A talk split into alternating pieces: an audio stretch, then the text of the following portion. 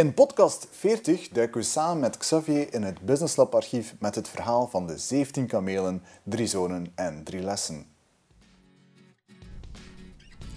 Ben jij zaakvoerder van een kleine onderneming en vind je het lastig om alle facetten in jouw onderneming draaiende te houden?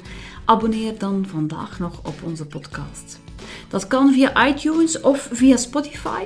Zo word je op regelmatige basis geprikkeld om over jouw zaak na te denken.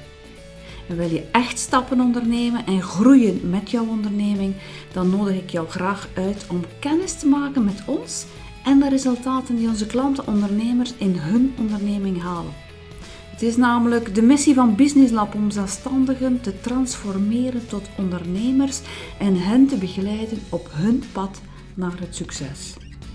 Zo evolueren ze van een fase waarin het hun hoofdzaak overleven is, naar een fase van succes, van consolideren en verzilveren. En zo creëren ze niet alleen voor zichzelf, maar ook voor hun partner en hun kinderen een comfortabel leven. Hallo, Frederik van Business Lab hier. Anne en zijn deze week volop bezig met verhuizen. Terwijl zij met verhuisdozen slepen, duiken wij samen in het Business Lab archief. Het volgende fragment komt uit 16 Minutes to Success en was deel van een mastermind sessie uit 2016. Veel luisterplezier en tot meteen! Goedenavond iedereen. Hallo.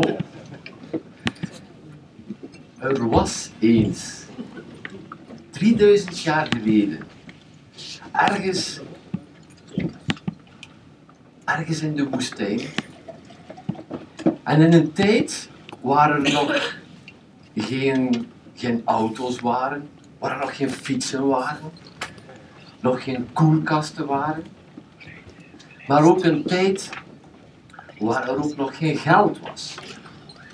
En in die tijd welvaart werd afgemeten met heel tastbare zaken.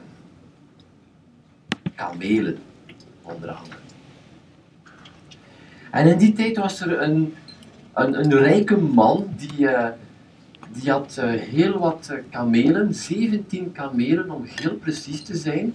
En nou, die was succesvol geworden door die kamelen te verhuren om een of andere rit door de woestijn te maken.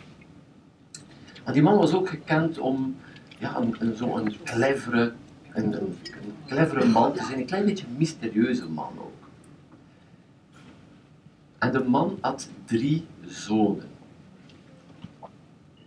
En op een bepaalde dag de man.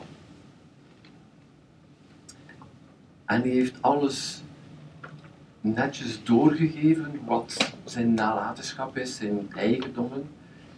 En dat was allemaal netjes verdeeld.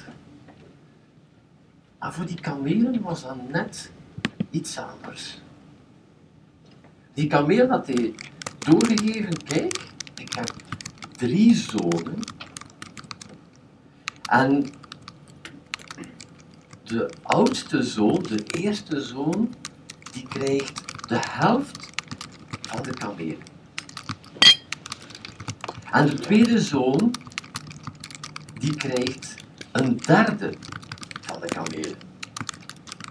En de derde en de laatste zoon, die krijgt een negende van de kamelen. En misschien lijkt dat voor jou ah, niet echt eerlijk. Maar in die tijd, in die plaats, de oudste zoon kreeg voorrang. We hebben de neiging om alles netjes te verdelen, maar toen was dat zo. Dat was een gebruikelijke praktijk om dat op een andere manier te gaan verdelen.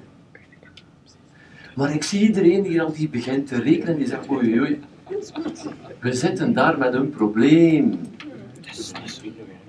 En die, die drie zonen zaten ook met een probleem. Maar die, die hielden ongelooflijk veel van hun pa, want hun vader had hun veel geleerd, heel veel wijsheid meegebracht.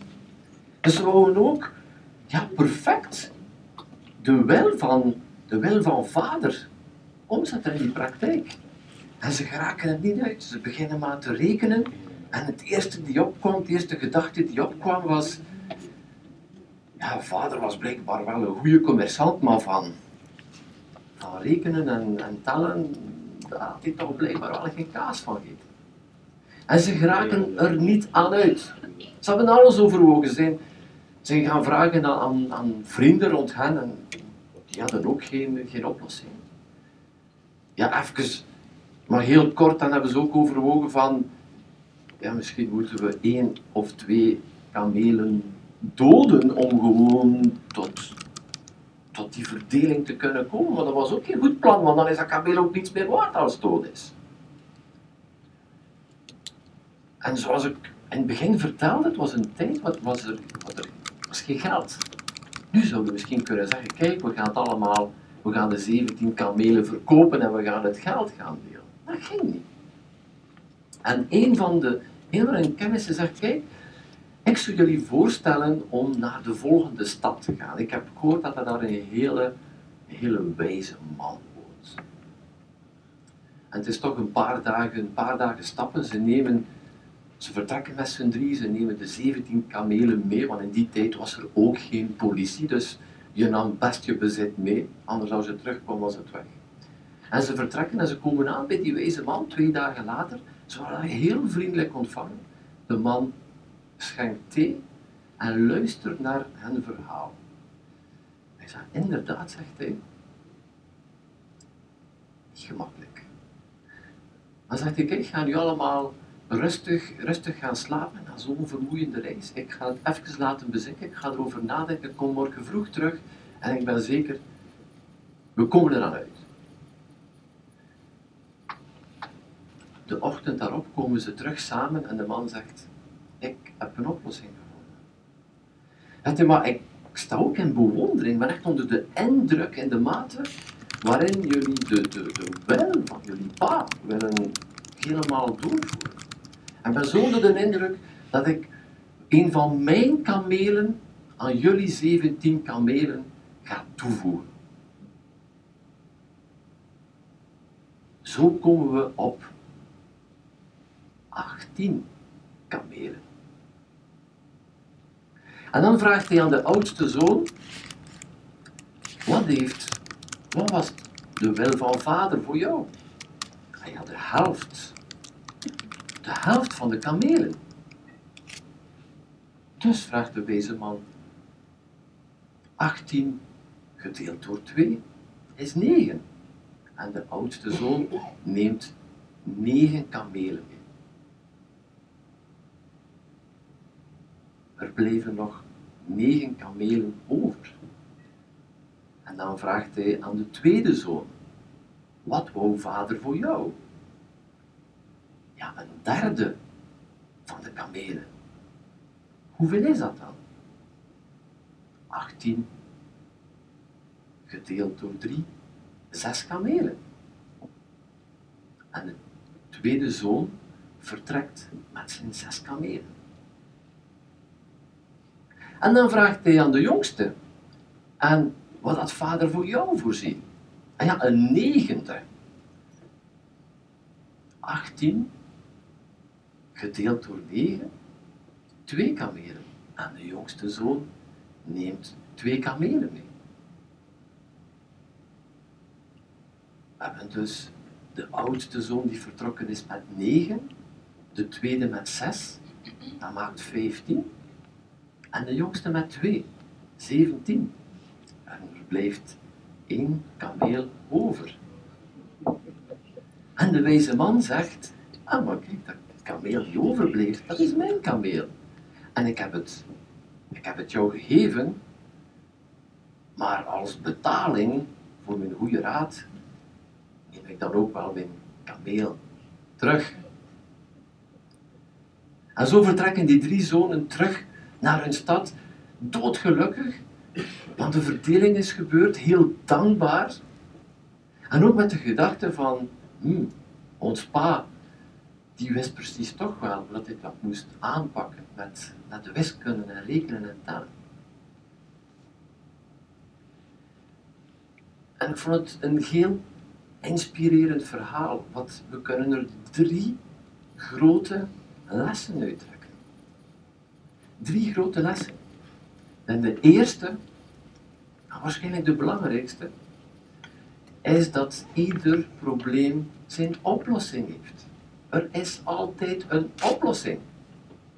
Maar misschien zie je ze nog niet onmiddellijk, omdat je te veel gefocust bent op het probleem. De tweede les die we meenemen is vraag hulp. Durf om hulp te vragen. En om twee redenen. De eerste reden is de andere persoon kijkt naar jouw probleem met een totaal ander oog. Vanuit een totaal andere hoek, een totaal andere perceptie. We, we merken het vaker. We zijn al weken en weken en weken met een uitdaging bezig en we komen een collega ondernemer tegen. We vertellen hem de uitdaging en zeggen, waarom doe je dat nu zo niet? Huh? Ik had daar nooit aan gedacht. En ook het tweede voordeel van die hulp te vragen, die persoon is los van de emotie. De drie zonen zaten nog in, in de emotie van het overlijden van hun pa. Het zorgt voor een vorm van een tunnelzicht. Dus durf om hulp te vragen. En de derde les is de beloning. Alles in het leven is geven en nemen. Hetzelfde principe van de mastermind van deze avond. Jij geeft jouw kennis, jouw expertise, jouw inzicht en jij krijgt een inzicht, kennis, een oplossing terug.